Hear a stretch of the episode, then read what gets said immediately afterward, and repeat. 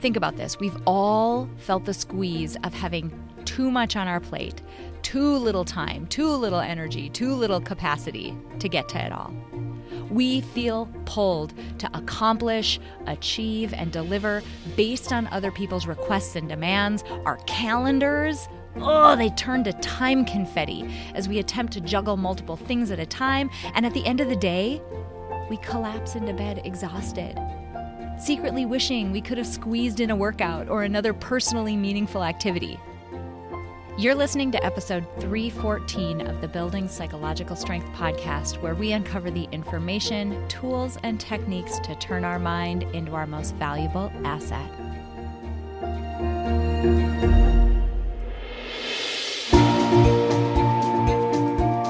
The courage to face fears with persistence. Being able to be present enough in this moment to choose my response thoughtfully. We have the strength to bend to life stressors, to bend to adversity without snapping, without breaking. There are only six things that contribute to our quality of life, and they are all experiences. In every moment, we are deciding who we want to be and how we want to live our lives. Noticing what your brain is doing and then being able to make choices mobilize the things that we know lift us up. Fear is not logical, it's primal. Hey, everybody, welcome back to the Building Psychological Strength podcast. My name is April, and I'm your host, and I am thrilled that you're here. Before we dive into this week's podcast, I have to say something. I'm feeling very compelled to say this this week. There are very few things that make me happier than to hear from all of you, to hear from listeners of this podcast. I don't think that I can describe how much it means to me to hear from you guys which topics resonate most with you, how you're applying what you're learning, and the impact that it's having in your life. Because truly, that's the whole goal here to create a more fulfilling life experience because we only get one. I want to highlight on that note two listeners that I recently heard from. One listener actually approached me in person at a public community event uh, recently, and it was so amazing because she talked about the insights that she's taken away from the episodes that she's listened to. And just from the way she described it, I could tell that she is really applying the techniques that we talk about on the show and she and I just had this great conversation about how both of us feel more resilient because we practice these activities. I didn't think about it at the time. I didn't think to ask her permission to share her name, but if you are listening and you approached me in Wayzata, Minnesota recently, you know who you are. And thank you so much. It meant more than I can even describe. Second, I want to share a recent review that re- we received on the Apple Podcast app from a listener named Kimberly. The review reads, there's life coaching and then there's life design. What I love about this podcast is the diversity of perspectives to inspire not only living with purpose, but living on purpose. There is nothing more important than that to live on purpose. Kimberly, thank you for your review. I love it. And I love the topic that you're highlighting. And I shared that review because it aligns beautifully to what we're going to be talking about in today's episode. So, specifically, whew, get ready for it. I want to talk about the incredibly difficult process of prioritizing what's important to you and living in alignment with that set of priorities. And be warned, I'm just going to tell you right now this episode is going to get passionate. I'm going to challenge you to think about things differently, to question everything. And I'm going to ask two things. Number one, I'm going to ask you to stay with me. Just for a moment, put aside that voice that's saying, oh, I've already tried, I can't do this, or it's too hard, or whatever the case may be. Because number two, I want you to play along. I'm hopefully going to offer you some things that can help in this episode. So, as we dive in, think about this. We've all felt the squeeze of having too much on our plate, too little time, too little energy, too little capacity to get to it all. We feel pulled to accomplish, achieve, and deliver based on other people's requests and demands. Our calendars, oh, they turn to time confetti as we attempt to juggle multiple things at a time. And at the end of the day, we collapse into bed exhausted, secretly wishing we could have squeezed in a workout or another personally meaningful activity. Be honest. Does that sound like you? Because I'll just be really honest back. It sounds like me on some of my most difficult days. And here's the tough truth that I need to hear as well we know the answer to this.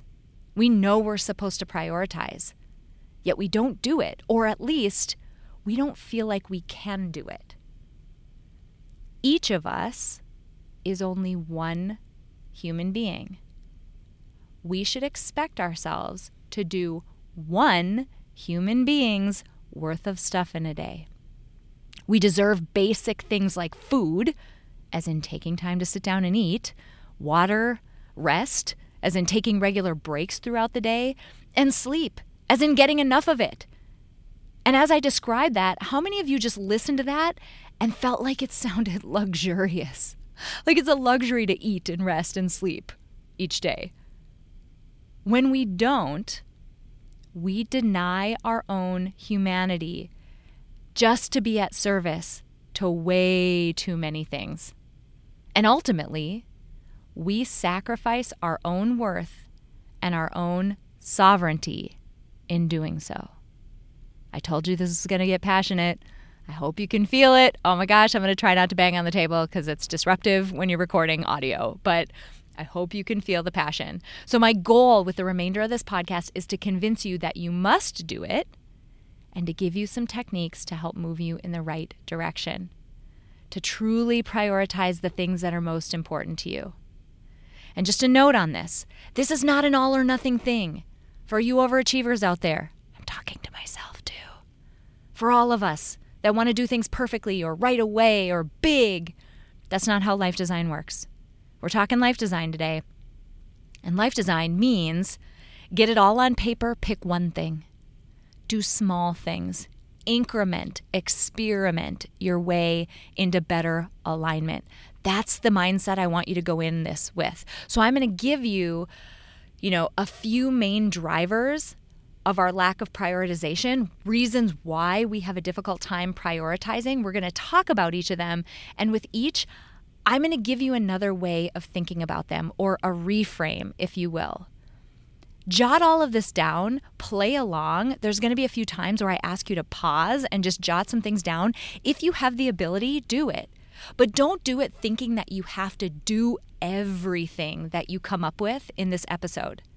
Instead, do it saying, Here's what I'm going to do. I love myself so much that I'm going to give myself so many opportunities to choose from, and I'm going to pick a couple because prioritizing and simplifying your life should not add to the complexity. That's not the goal here. All right, so play along. Let's dig in. We're going to talk about three things that keep us from prioritizing, and then I'm going to offer you a reframe for each one. So, first, you might know where I'm going with this one. So many of us are brought up to be relentless people pleasers. We believe that we have to do it all in order to make others happy or comfortable or manage their emotions. And the line of thinking that we go down is that if we don't, if we don't take care of it all, it's going to reflect badly on us. That those other people will have to shoulder that responsibility. We're going to let other people down. They'll be disappointed angry, upset. But I want to challenge you to think about it a little bit differently. Let's just, for fun, let's assume you're correct. Let's say they are actually going to be upset when you don't do it all, especially especially when you don't do something that isn't actually a real priority of yours. It's a priority of theirs. Or technically, it's something that they should be doing. It's not your responsibility, but you're doing it for them. So, what happens when you don't do something that isn't a real priority of yours? The reframe here boils down to a simple question Why? Why will they be upset? Why would that other person be upset if you came to them and you said, I'm not going to be able to do that for you. I just have too much on my plate and I need to be realistic about prioritizing? Why would they be upset at that? And if they actually did get upset, if you were right, what does that tell you about that person? And if they actually do get upset, are they actually someone you want to be supporting in the first place? This is a set of tough questions. Ask yourself those hard questions. Play along. Is that person worth pleasing? Said another way, who in your life might not be worth pleasing? Or to the degree that you do today, where you're running yourself into a state of burnout in order to do it? And what tasks might you consider removing? Be honest. Allow yourself to do some thought experimenting here. And this is another life design thing, right? Like, so many people are afraid to even go there mentally with the answer to these questions. Go there. You're not committing to anything right now. This is a how might we? How might I? Who might be worth removing from that list? What activities might be worth removing from that list? Remember, we're not going to do everything we write down. We're ideating right now. So give yourself a whole bunch of squishy leeway. I want you to pause this episode and I want you to just jot a few things down. Who might be worth dialing down the degree to which you try to please them? And what tasks might be worth experimenting with taking off. Hit pause, write those down. Okay, hopefully you've done that. Second driver of our lack of prioritiz- prioritization is get ready for it. This one really stings. It's our desire to feel important and needed. It feels good to be needed. It's natural. It feels good to be so good at something that you can accomplish it faster or better than other people. It makes us feel good about ourselves, and there's nothing wrong with that. That doesn't mean that you are egotistical. It doesn't mean that you're weak. It doesn't mean that you're any of the bad things that your mind is probably telling you right now in order to not admit to this one. It's just a natural thing. It feels good to be good at things, and it feels good to have other people need us. And we have a tendency to chase that good feeling to our own detriment. It's like any bad behavior that we engage in that has a really nice feeling short term consequence, but a pretty bad long term outlook. The more we indulge in our need to feel needed, the more we stack on our plate. And long term, the more burned out, overscheduled, and run down we end up feeling. So here's a reframe for the second one. What if, let's just go with this, right? It feels good to be good at things, and that's okay. What if the role that you're good at is not an individual contributor who gets things done, the doer? Instead, what if you consider stepping into the role of a leader or a visionary? What if you became good at finding the things you can delegate and then coaching others to rise to that occasion? What if you take advantage of that very natural need to feel needed and good at something, but get good at leading and prioritizing? In this way, we're relying on our mind's natural tendency, but we're getting both a short term benefit we get to feel good about being good at something and a long term benefit. Long term, we are slowly removing tasks from our own plate.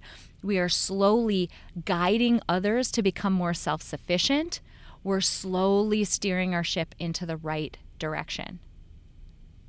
Pause again. I want you to jot down what comes to mind here. Where might you be able to do this? Again where this is a might. Like just jot it down. Anything that comes to mind jot it down. Give yourself some good options here. And finally the third driver i want to point out is perhaps both the most obvious and the most hidden one i know this sounds crazy but it is it's so obvious but we don't recognize it when it's happening and that is prioritizing is hard it's hard for the reasons we've already talked about and it's hard for about a million other reasons too. It's tough.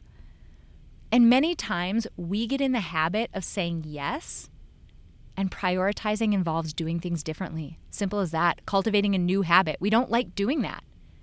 It's also hard to feel like we're letting people down or not helping as much as we could. It's also hard because FOMO, fear of missing out, is a byproduct of prioritization. And that's hard to sit with.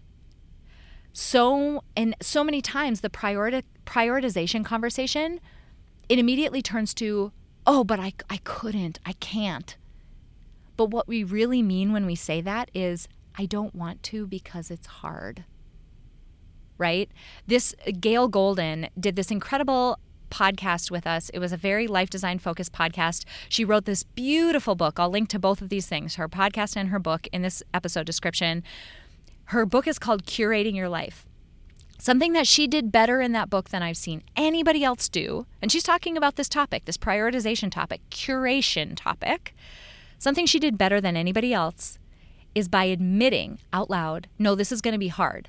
So you're going to be faced with the decision of here are two big things, you can only do one. And you're going to feel like, no, but it's so difficult to choose that I have to do both. No, make the difficult choice.